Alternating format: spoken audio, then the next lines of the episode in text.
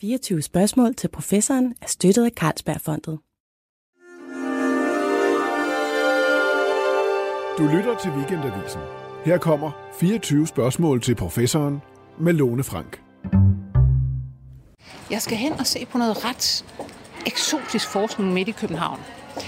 Det hedder hologenomik, eller hologenomics. Øh, og det er sådan en meget avanceret og ny måde at se organismer og deres samspil og deres evolution på. Og øh, det glæder jeg mig lidt til, øh, fordi jeg ved ikke rigtig, hvad det går ud på selv, så det vil jeg gerne høre. 24 spørgsmål til professoren er taget på landevejen. I de seneste fem år har jeg siddet her på avisen i små studier og talt med forskere. Men nu vil jeg besøge dem der, hvor de arbejder. Jeg skal tale med øh, to forskere i dag, faktisk. Øh, Tom Gilbert, som leder det her Center for Hologenomics, som er evolutionsbiolog, og øh, er kommet fra Oxford og har bosat sig i København. Og så øh, en af hans medarbejdere og gruppeledere, Sandra Breum, som har nogle ret sjove projekter i gang med en mavesårsbakterie. Og den skal, den skal jeg se meget nærmere på. Goddag. Hej. Den herre og den dame. Tom. Hej. Hej. Hej, Sandra. Hej.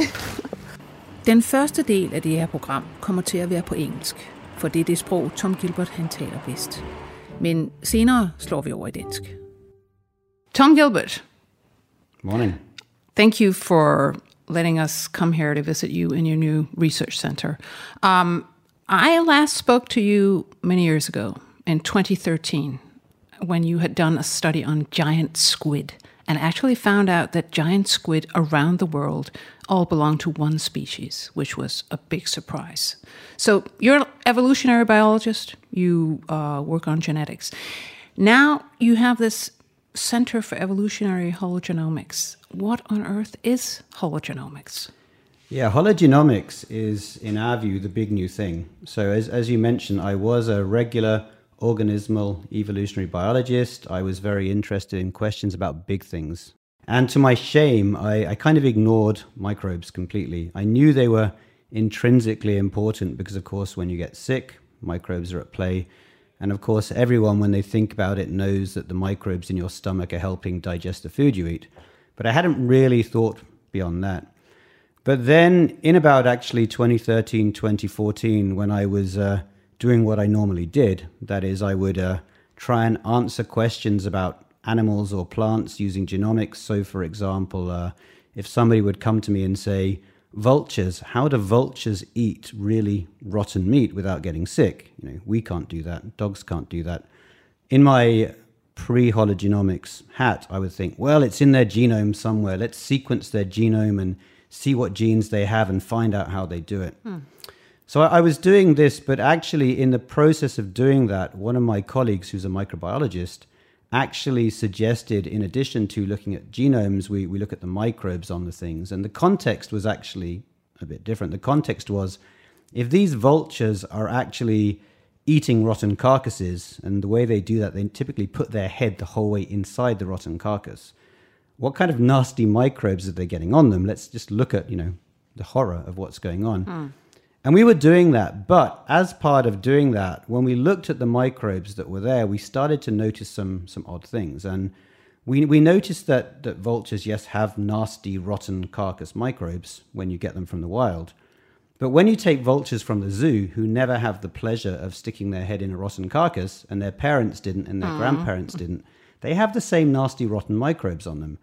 And this actually stuck in my head because it got me thinking, well, if they're not getting them from what they eat, they must be doing something. And this actually is what started me working on hologenomics, realizing that if I wanted to answer one of these classic biology questions and I forget about the microbes, you don't have the full picture. Because when we looked at the microbes that were there, we saw that, sure, the vulture and its genome answers part of the question of how they survive eating this, but they have all these microbes on them that are actually doing things as well that are helping solve the puzzle. So, for example, the microbes they get from the rotten food are actually providing benefits for getting not just nutrition out of it, but also defending against the kind of chemicals and so on. And this really opened my eyes to, to what is called holobiont theory and uh, hologenomics. And holobiont theory very simply says all the big things we're used to looking at trees, plants, animals, humans cannot exist without microbial partners. And if you want to understand how they exist, you have to look at both parts of the puzzle. And that's why holobiont advocates argue that we shouldn't talk about organisms, we should talk about holobionts, which mm. is the total package together. What's been really interesting in the past five, six years is when people look at the microbes and they ask the question, what do the associated microbes do? It's not just about making you sick or about digesting food. There's a whole range of other properties that are extremely interesting. We know today your microbes can affect your behavior or a cat's behavior or your dog's behavior. They can make you depressed or excited. We know they can actually, um, in that regard, affect aggression in animals. We know they can actually affect the temperatures things are comfortable living at. They can affect actually whether they hibernate or not. Uh, they can actually allow them to change their diet from things that were toxic becoming non toxic. And this is really interesting for evolutionary biology because the standard arguments or ideas in evolution are that we have variation in our genetics. And if the environment changes, we can select on our variation and adapt. We, we might have a, a, genetic variant that allows us to change our, our diet, for example. And, and we just think about the genome. But what we're learning from the microbes is they confer so many properties onto their host that sometimes it might be easier just to change the microbes and forget about the genome. And this actually is what we're super interested in in the center. But are we in fact saying with this theory that perhaps to understand the evolutionary development of an organism, say a human being, you have to also understand what kinds of microbes did come into that uh, evolutionary history at what point and, and what happened. So the microbes we may have encountered uh, in different environments may have shaped our evolution. Absolutely, um, because if we haven't met those microbes, they can't confer the properties, and and that's valid both for the past but also for the future. I mean, there's a, a good example on the future. Um, there's a lot of interest in mutations that allow you to digest milk as an adult. You know, we're, we're actually freaks in Northern Europe. We mm. can drink milk as adults, right? The rest of the world can't. And we know we can do that because we have a mutant of a certain gene that allows us to keep producing lactase, right? Now, the interesting thing is, although many other cultures never evolved the use of milk and they were not using it and they lack these genes, there are actually populations who can drink milk, and it's because they've picked up microbes that are now sitting inside them, digesting the milk for them, right? So, so the microbes are providing this solution. And we know in the evolutionary context that actually the transition to milk drinking was probably hugely important in, in, in Western Europe and other places. You know, you have, you're just healthier, you grow faster, you have more children. This kind of thing can be caused now by microbes in these other cultures. So there are a number of situations in humans and in fact in plants and animals where because certain microbes have been acquired and because they are able to affect their host in a certain way, it's given certain properties. And this may explain a lot of the, the classic questions in biology that we normally explain other ways. And, uh, and it can also be relevant for medicine. I mean, there's a lot of interest today in using microbes to help, you know, cure depression, for example, or fight obesity or reduce arthritis or so on and actually, you know, the, the, interplay between the host and the microbes in that situation gets extremely interesting. So, if you look ahead, um, how do you think hologenomics will have a place in, say, um, biomedical research in the future? Yeah, I, I hope it has a, a huge um, role to play. So, the definition of hologenomics is, is very simple. If, if you're studying this superorganism, the holobiont, Genomics is you study the genes of the, the big thing.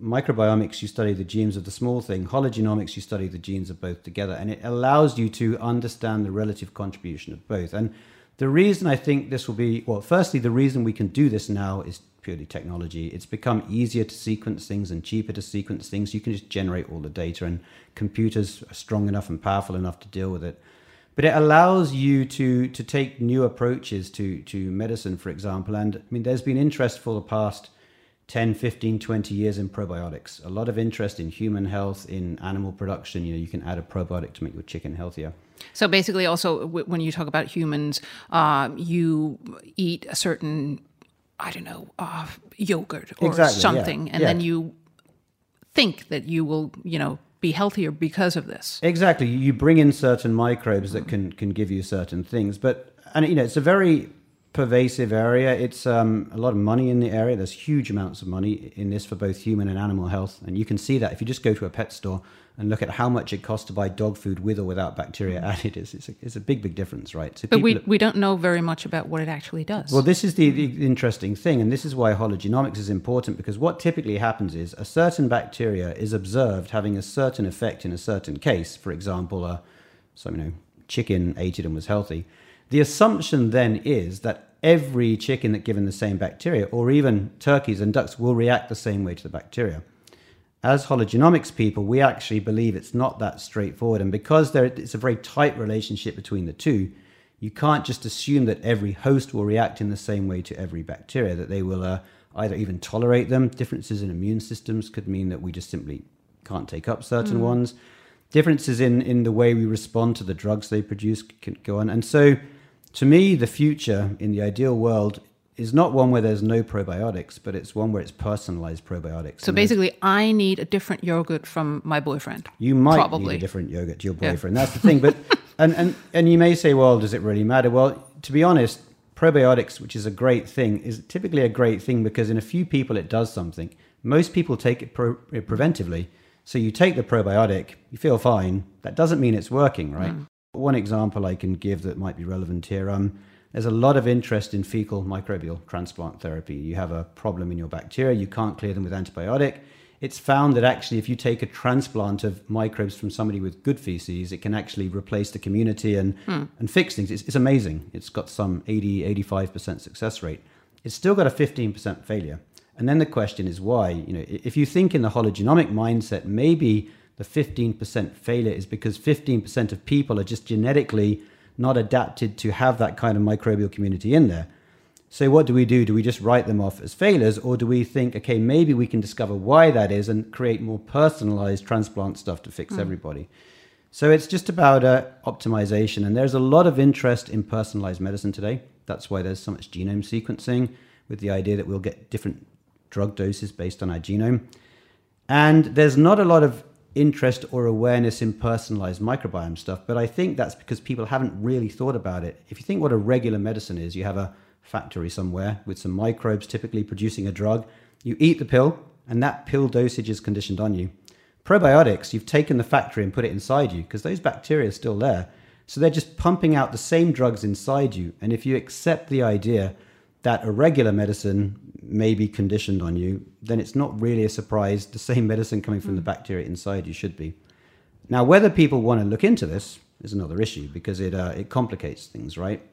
And whether it's worth it is another question. But I guess our basic interest in all of this, the evolution, the health, is is it worth looking into this? What are the kinds of relationships? Do they change anything? Whether it's understanding how dinosaurs went extinct or why certain species are very common, or in fact, how health works. Hmm. So, one thing we can say is the future is more complicated. It is more complex. Vi kan altså ikke forstå os selv uden at forstå vores samliv med mikrober. De præger hele artens evolution, og de påvirker løbende vores individuelle psykiske og fysiske tilstand. Men de præcise mekanismer er stadigvæk ret tåget.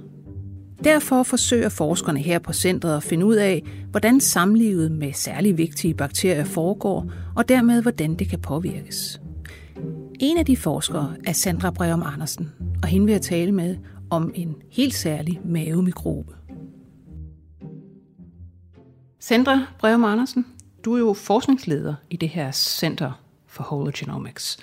Og du har nogle projekter, som jeg synes lyder virkelig, virkelig spacey, hvor du blandt andet dyrker nogle kunstige maver og undersøger nogle mavesårsbakterier. Det kommer vi ind på. Din interesse, din primære interesse er evolutionær medicin. Hvad er det egentlig? Det er et nyt forskningsfelt, ligesom hologenomics. Så i evolutionær medicin, der prøver vi at bruge evolutionær teori til at forstå kliniske problemer. Det giver jo rigtig god mening, hvis vi tænker på sådan noget som antibiotikaresistens. For der er det jo netop øh, et spørgsmål om, at vi bruger nogle, øh, noget antibiotika til at behandle en infektion. Det virker måske til at starte, og så får vi øhm, problemer med resistens, og det er altså fordi de her bakterier har udviklet sig, så de ikke er blevet modstandsdygtige over for antibiotikaen. Der er også andre områder, hvor man kan se på øh, vores evolutionære historie for at forstå ting omkring vores sygdomme. Ja, og det, er, og det er en af grundene til, at jeg er rigtig interesseret i den her mavebakterie, Helicobacter pylori, fordi det er en øh, bakterie, som mennesker har haft i maven, siden før vi faktisk blev moderne mennesker. Hvis man kigger på øh, Helicobacter, øh, så kan man rent faktisk følge menneskets rejse ud gennem Afrika, når man, når man sammenligner bakterier i maven fra folk rundt om, omkring i verden. Men det sjove med den er jo, at øh, hvis, man, hvis man går lidt tilbage, altså umiddelbart, så kender man den som en mavesårsbakterie. Altså i 2005, der blev der jo givet en Nobelpris til den australske læge Barry Marshall, fordi han havde opdaget, at mavesår, som man jo før øh, i tiden troede kom af stress og, og, og alt muligt andet, meget for meget kaffe, sådan noget, man havde opdaget, eller han havde opdaget, Nej, det er faktisk den her Helicobacter pylori, der sidder og får lavet de her sår. Der er for mange af dem. De laver sår, og det bliver eventuelt til, til mavekræft. Og som sagt, så, så fik han simpelthen en, en Nobelpris for at lave det paradigmeskift, at nu vidste man, at man skulle sådan set bare udrydde Helicobacter pylori, så kunne man helbrede øh, hvad det hedder, folk for mavesår. Men så er det, at historien selvfølgelig bliver lidt mere kompleks, fordi som du siger, man opdager, den er ikke bare dårlig, den her bakterie. Det var en fantastisk opdagelse, fordi mave, mavekræft øh, øh, er en meget dødelig sygdom, og, og mavesår rammer mange mennesker. Men selvom det er mange mennesker, mavesår rammer, så er det altså kun omkring 10% af mennesker, der har helicobacter i maven, der har nogen som helst komplikationer af den. Det vil sige, at langt de fleste af os har den faktisk. I, på verdensplan, ja, så er det over 50 procent af befolkningen, men øh, dem, der har helicobacter, er ikke jævnt fordelt over kloden. Så her i Danmark er vi nede på omkring 10-15 procent af yngre mennesker, der har helicobacter. Øhm, hvorimod andre lande, som for eksempel Colombia, er vi oppe omkring 80-90 procent. Øhm, så vi har altså mistet helicobacter her i Nordeuropa. Og der er det jo så, at vi kommer lidt tilbage til vores evolutionære historie sammen med de her øh, bakterier. For er der en konsekvens af, at vi lige pludselig har tabt øh, vores gamle øh, mikrobielle partner, kan man sige. Ja. Og det er lige præcis det, jeg er interesseret i. For, for med helicobacter, der har man så fundet ud af, at hvis du har helicobacter i maven, så har du mindre risiko for at udvikle astma og allergi. Så det virker simpelthen som om, at helicobacter er med til at beskytte mod den her type øh, sygdomme. Og det er jo netop en, en type sygdom, som vi har set en voldsom øgning af øh, gennem de sidste 10-20 år. Ja, og vi har, vi har vel netop set den i typisk den vestlige eller den industrialiserede verden. Så, så jo længere hvad skal man sige, du bevæger dig ind i en moderne levevis, øh, byer, og jo renere du har det eventuelt, altså, øh, ja, jo, jo oftere får du forskellige øh, astma- og allergisygdomme. Det er lige præcis det, man ser. Og øh, det har været præsenteret lidt som den her hygiejnehypotese, fordi vi ikke er nok ude og rulle os i mudderet, mm. så får vi altså flere sygdomme. Den idé er sådan blevet lidt modereret, siger, det er ikke så meget alle de der tilfældige bakterier, øhm, vi kan få, hvis vi er ude i en mudderpøl, men det er altså nogle specifikke bakterier, som for eksempel øh, findes i vores øh, mavetarmsystem, og som typisk bliver givet videre fra mor øh, til barn. Øhm, så det er ikke hvem som helst. Det er altså nogle af dem, vi har været associeret med øh, i rigtig mange år. Så det er, jo, altså det er jo et spring i forståelsen fra at først kan man sige, man har sådan en, en overordnet forståelse, der hedder, bakterier er sådan set noget skidt. Altså det er, øh, dem skal vi sådan set passe på. Ikke? De er farlige. Så kommer der sådan en, en bølge ind over, hvor man siger, nej, bakterier er jo sådan set gode for mange ting, og, og så begynder man at, at finde den her hypotese frem med de manglende mikrober. Vi skal have nogle flere bakterier, så vi ikke får allergi og alt det der. Og nu er man så kommet dertil, hvor man må sige, nej, det er ikke bare bakterier. Vi skal virkelig være selektive. Øh, altså vi skal finde ud af nøjagtigt, hvad er det for nogle bakterier? Og måske også hvis man tænker på, hvad, hvad Tom Gilbert sagde i starten, nogle mennesker skal have særlige bakterier, andre skal have nogle andre måske. Lige præcis. Og der kommer vi jo så også øh, ned i, hvor det er, vi får de her bakterier fra. Og det er netop typisk øh, inden for den helt tætte øh, familieunit, øh, og ikke bare i familien, men decideret vores mor typisk.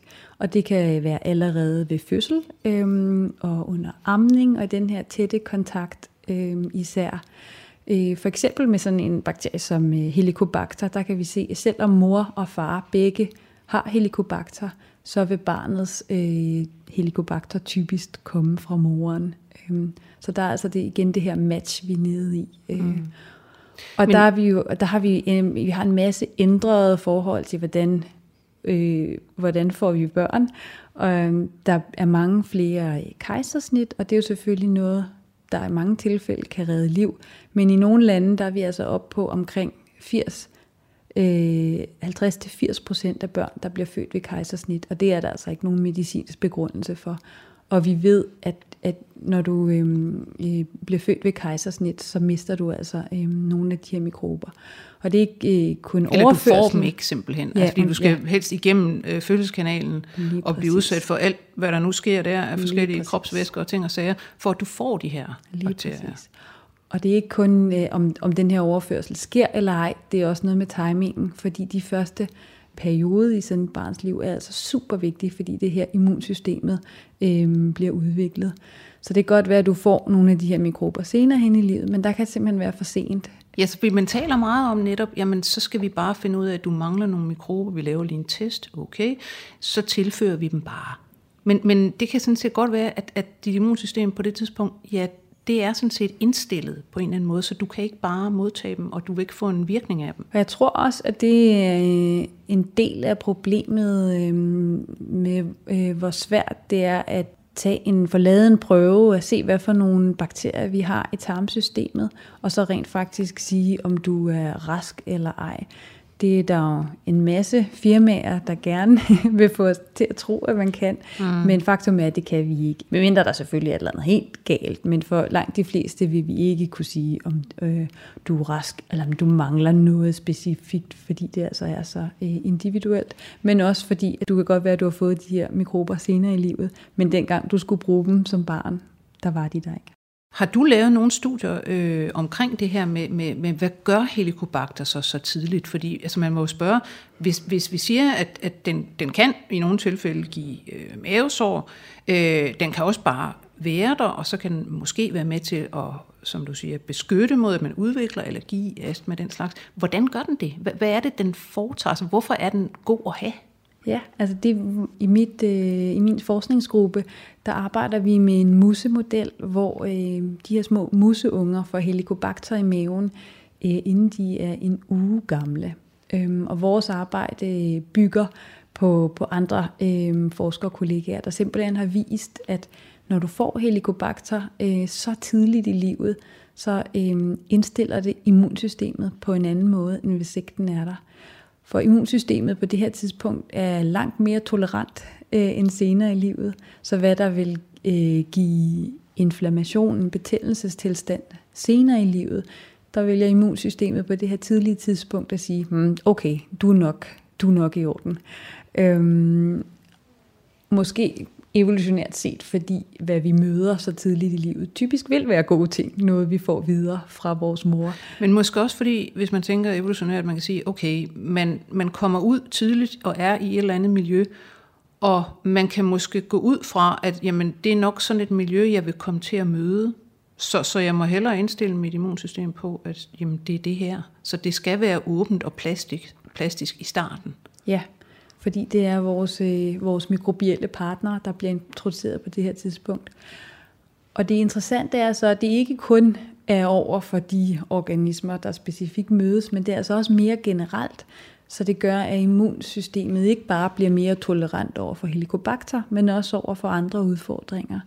Så de oprindelige studier øh, med de her musemodeller og helicobacter, der har de set på astma og allergi øhm, og vist, at netop hvis du bliver eksponeret for helicobacter tidligt i livet, så kan det beskytte mod astmaallergi senere i livet. Hvorimod, hvis musene først bliver introduceret for helicobacter senere, øh, jamen så har det ikke den her øh, beskyttende effekt. Vi arbejder lidt med nogle andre øh, udfordringer, så vi har en, øh, vi ser på en malaria-model, om, øh, om helicobacter kan beskytte mod øh, udviklingen af alvorlig malaria. Så malaria er jo en parasit, man bliver øh, inficeret med gennem myg, som, mm. øh, som er, bliver båret gennem blodet. Øh, så det er ikke så meget om, hvorvidt du bliver inficeret af en myg eller ej, men det er netop, hvordan dit immunforsvar øh, reagerer på at møde de her parasitter. Og det, er lidt, det bygger lidt på den observation, at i mange af de lande, hvor malaria fortsat øh, er et stort problem, det er altså også der, vi har en, en meget høj infektionsgrad af helicobacter, så de fleste mennesker er inficeret med helicobacter. Mm. Så på mange måder øh, kunne det jo give, give mening, at der er en eller anden interaktion, for det er i hvert fald nogle organismer, der er vant til at øh, møde hinanden ja. i samme person. Altså nu siger du, at vi øh, heroppe nordpå faktisk i høj grad har mistet helicobacter. Kunne den også, den bakterie, have noget at gøre med, at vi har altså hvad skal man sige, en høj forekomst, øh, og igen i, i den industrialiserede del af verden, en høj forekomst af sådan nogle mavekatar-sygdomme. Altså sådan forskellige former for inflammatoriske øh, hvad der hedder mavesygdomme. Ja, altså nok snart på den måde, at, at at, der, at man mener, at der er en højere øh, forekomst af de her sygdomme, fordi vi netop har ja, mistet vores øh, mikrobielle ja. partner. Ja.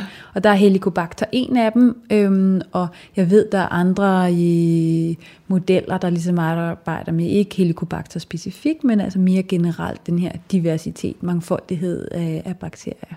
Altså, jeg kommer til at tænke på, hvis, hvis vi er 90% af os herhjemme, som ikke har Helicobacter, Øh, og det vil sige, at vi har ikke fået den som lille af en eller anden grund. Hvis vi så får den, altså hvis jeg nu fik den her som 55-årig, var det så rigtig skidt? Hvad ville der så ske? Ja, så vil du formentlig få nogle, øh, nogle komplikationer øh, af den infektion. Det vil, det vil være mit bedste bud. Øh, en anden, øh, så det er rigtig interessant netop, hvad alder vi får helicobacter i, og en anden øh, ting, der er værd at bide mærke i, det er netop matchet mellem værts-DNA og bakterie-DNA, og så kommer vi, det er jo igen en vigtig del af det her hologenomics-koncept. Øhm, øh, der er nogle rigtig fine studier fra Colombia, der viser, at øh, op mod 90% af befolkningen er inficeret med helicobacter, men der er meget stor forskel i, om der, de har komplikationer af den her infektion.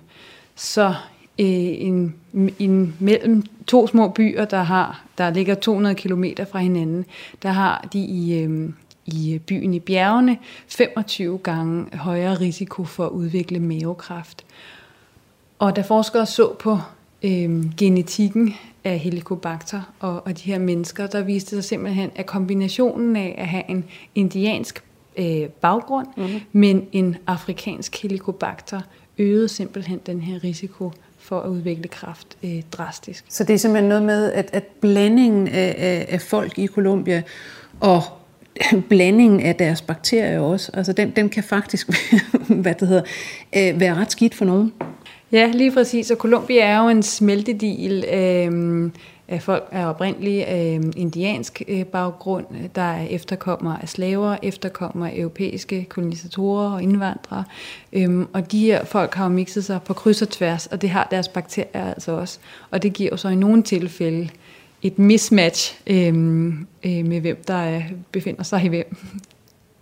Det er jo egentlig meget interessant, hvis man tænker på, hvor, altså med, også med, med folkeblandinger, altså øh, ganske almindelige øh, blandede ægteskaber, man får børn, de får så nogle bakterier fra deres mor, og det kan godt være, at de faktisk passer ret dårligt til den nye blandede genetik, barnet har. Absolut.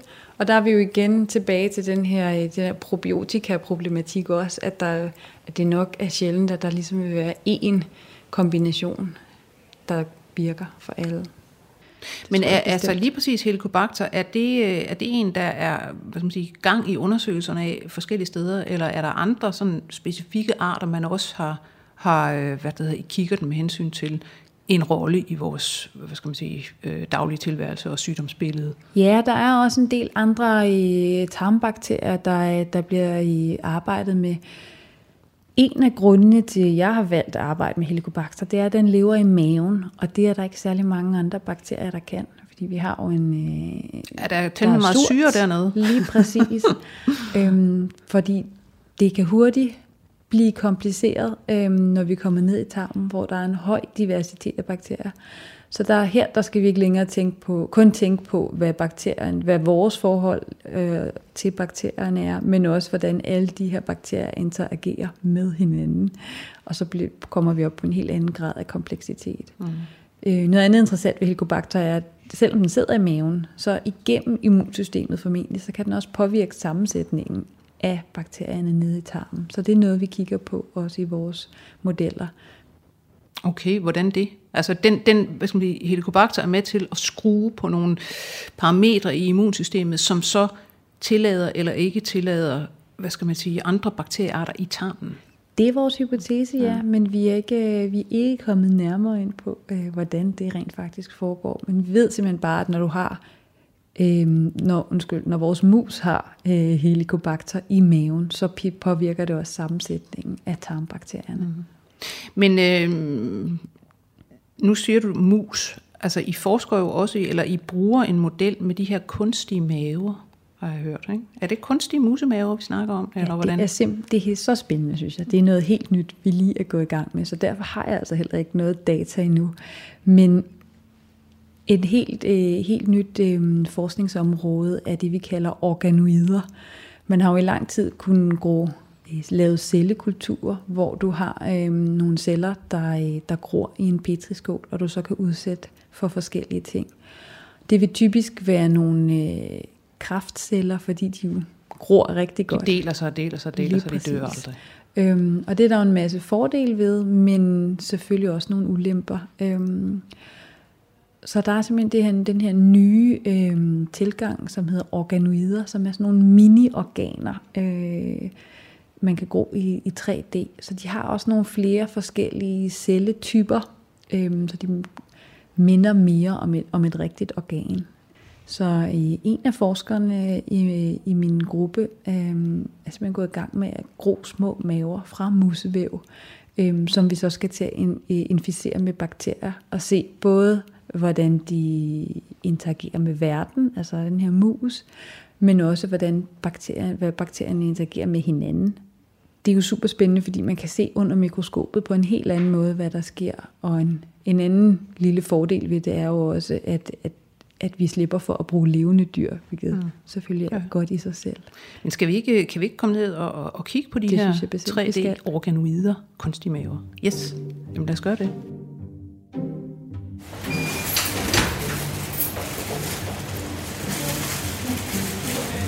Okay, vi skal have Ja, vi skal lige på. have nogle overtrækssko på, når vi går ind i laboratoriet her, fordi ja. at vi arbejder med genmodificerede, potentielt sygdomsfremkaldende bakterier. Hi, uh, you, you're the specialist, the organoid yeah, uh, yeah, I assume. det er jo vildt at se, altså det her mikroskop, der har en, øh, en lille skærm øh, på, så man, man kan se de her små runde strukturer, altså ligesom bobler, øh, eller man kan ja, nærmest en sæbeboble, der står op fra, fra underlaget. Ikke? Og det er så simpelthen en, en lille, en lille mavehulning med altså forskellige cellelag og sådan noget. Og, og det, det handler om, er så, at det, man kan gøre, er at for det første vende vrangen ud på den, fortæller Sandra, og så kan man så putte helicobacter bakterier på, og se, hvordan de sætter sig fast, hvad de gør, og begynde at undersøge inde i de her cellelag. Altså, det er jo, det er jo helt vildt, faktisk, ikke?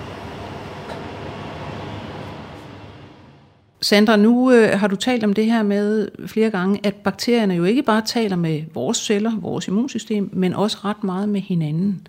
Altså det vil sige, at bakterier har egentlig et, et avanceret socialt liv. Er det sådan, man skal se det? Ja, det er jeg stærk fortaler for, at vi, vi, vi, har, at vi skal prøve at forstå bakteriernes sociale liv. For bakterier kan samarbejde med hinanden på forskellige måder, øhm, og på måder, som faktisk er rigtig vigtige for vores helbred. For de kan producere stoffer, øhm, der gør, at de kan opfatte, hvor mange bakterier øh, der er øhm, om rundt omkring, hvor mange bakterier de er i et, i et selskab, så at sige. Det kalder quorum sensing. Og det er jo rigtig smart i en, en, en angrebssituation, så at sige. Hvis, øh, hvis vi har nogle bakterier, der har lavet, er ved at starte en infektion, øhm, de vil gerne gå lidt undercover for øh, immunsystemet, indtil de rent faktisk er mange nok. Øhm, så det er jo rigtig, øh, rigtig smart at kunne, øh, at kunne det. Øhm, så det er en måde, bakterier kan tale sammen øh, ved at sende små molekyler ud, som de så øhm, også har nogle små receptorer for. Når der er mange bakterier, så er der mange af de her molekyler i omgivelserne, og så på den måde kan de simpelthen opfatte, hvor mange de er, øh, og så om de skal starte angrebet. Men der, er vel også, der må også være nogle, hvad skal man sige, nogle gavnlige effekter, man kan have nede i, lad os sige, sådan en tarmkanal, eller det kunne være på huden, hvor der også sidder komplicerede eller komplekse øh, mikrobesamfund, altså hvor de kan sådan set altså være et, et forsvarsværk på en eller anden måde, hvis de også taler sammen om det. Ja, og en, øh, en af grundene til, at vi er så glade for en høj biodiversitet, øh, også i vores tarmsystem, det er jo netop, fordi det kan have en beskyttende effekt øh, mod øh, sygdomsfremkaldende bakterier, der gerne vil invadere. Øh, så når bakterierne kan, kan fornemme, hvem der er omkring dem, øh, og hvem de skal angribe og holde ude, så er det jo også noget, der kan beskytte os. Altså, hvordan tror du, hvis du skal se sådan på, på, på fremtiden her til sidst, øh, hvordan tror du, fremtidens medicin kommer til at inkorporere det her samarbejde mellem menneske og mikrobe på anderledes vis, end vi gør i dag? Sådan i forhold til anvendt hologenomics, så er det jo måske faktisk kraftforskningen, der er længst fremme, selvom de overhovedet ikke kalder det hologenomics. Men der har man, øh, også som Tom øh, var inde på, man ofte har nogen, øh, som medicin virker rigtig godt på, og andre, hvor den ikke virker. Øh, Øhm, og der har man simpelthen fundet ud af, øhm, med noget kraftmedicin, at det er afhængigt af, hvad for nogle mikrober du har i tarmen fordi de kan omsætte øhm, medicinen på forskellige vis. Så der ved at screene øh, afføringen, før du tager medicin, kan du simpelthen øh, forudse, hvem der vil, øhm, øh, hvad, hvem den her medicin vil gavne, og hvem den bare vil gøre langt, langt syre. Øh, så det er jo helt fantastisk. Samtidig med, at man jo også i kraftforskning er utrolig langt fremme ved at sekvensere og finde mutationer. Og kombinationen af at kunne se på mikroberne og på værtsgenetikken, det er jo lige præcis, hvad hologenomics er. Sandra Breum Andersen, jeg vil godt sige mange tak for, at øh, jeg måtte besøge dig her, og ikke mindst for, at jeg måtte se på dine små øh, kunstige maver. Tak fordi jeg måtte være med. Programmet i dag blev produceret af Birgit Nissen Petersen, og jeg hedder Lone Frank.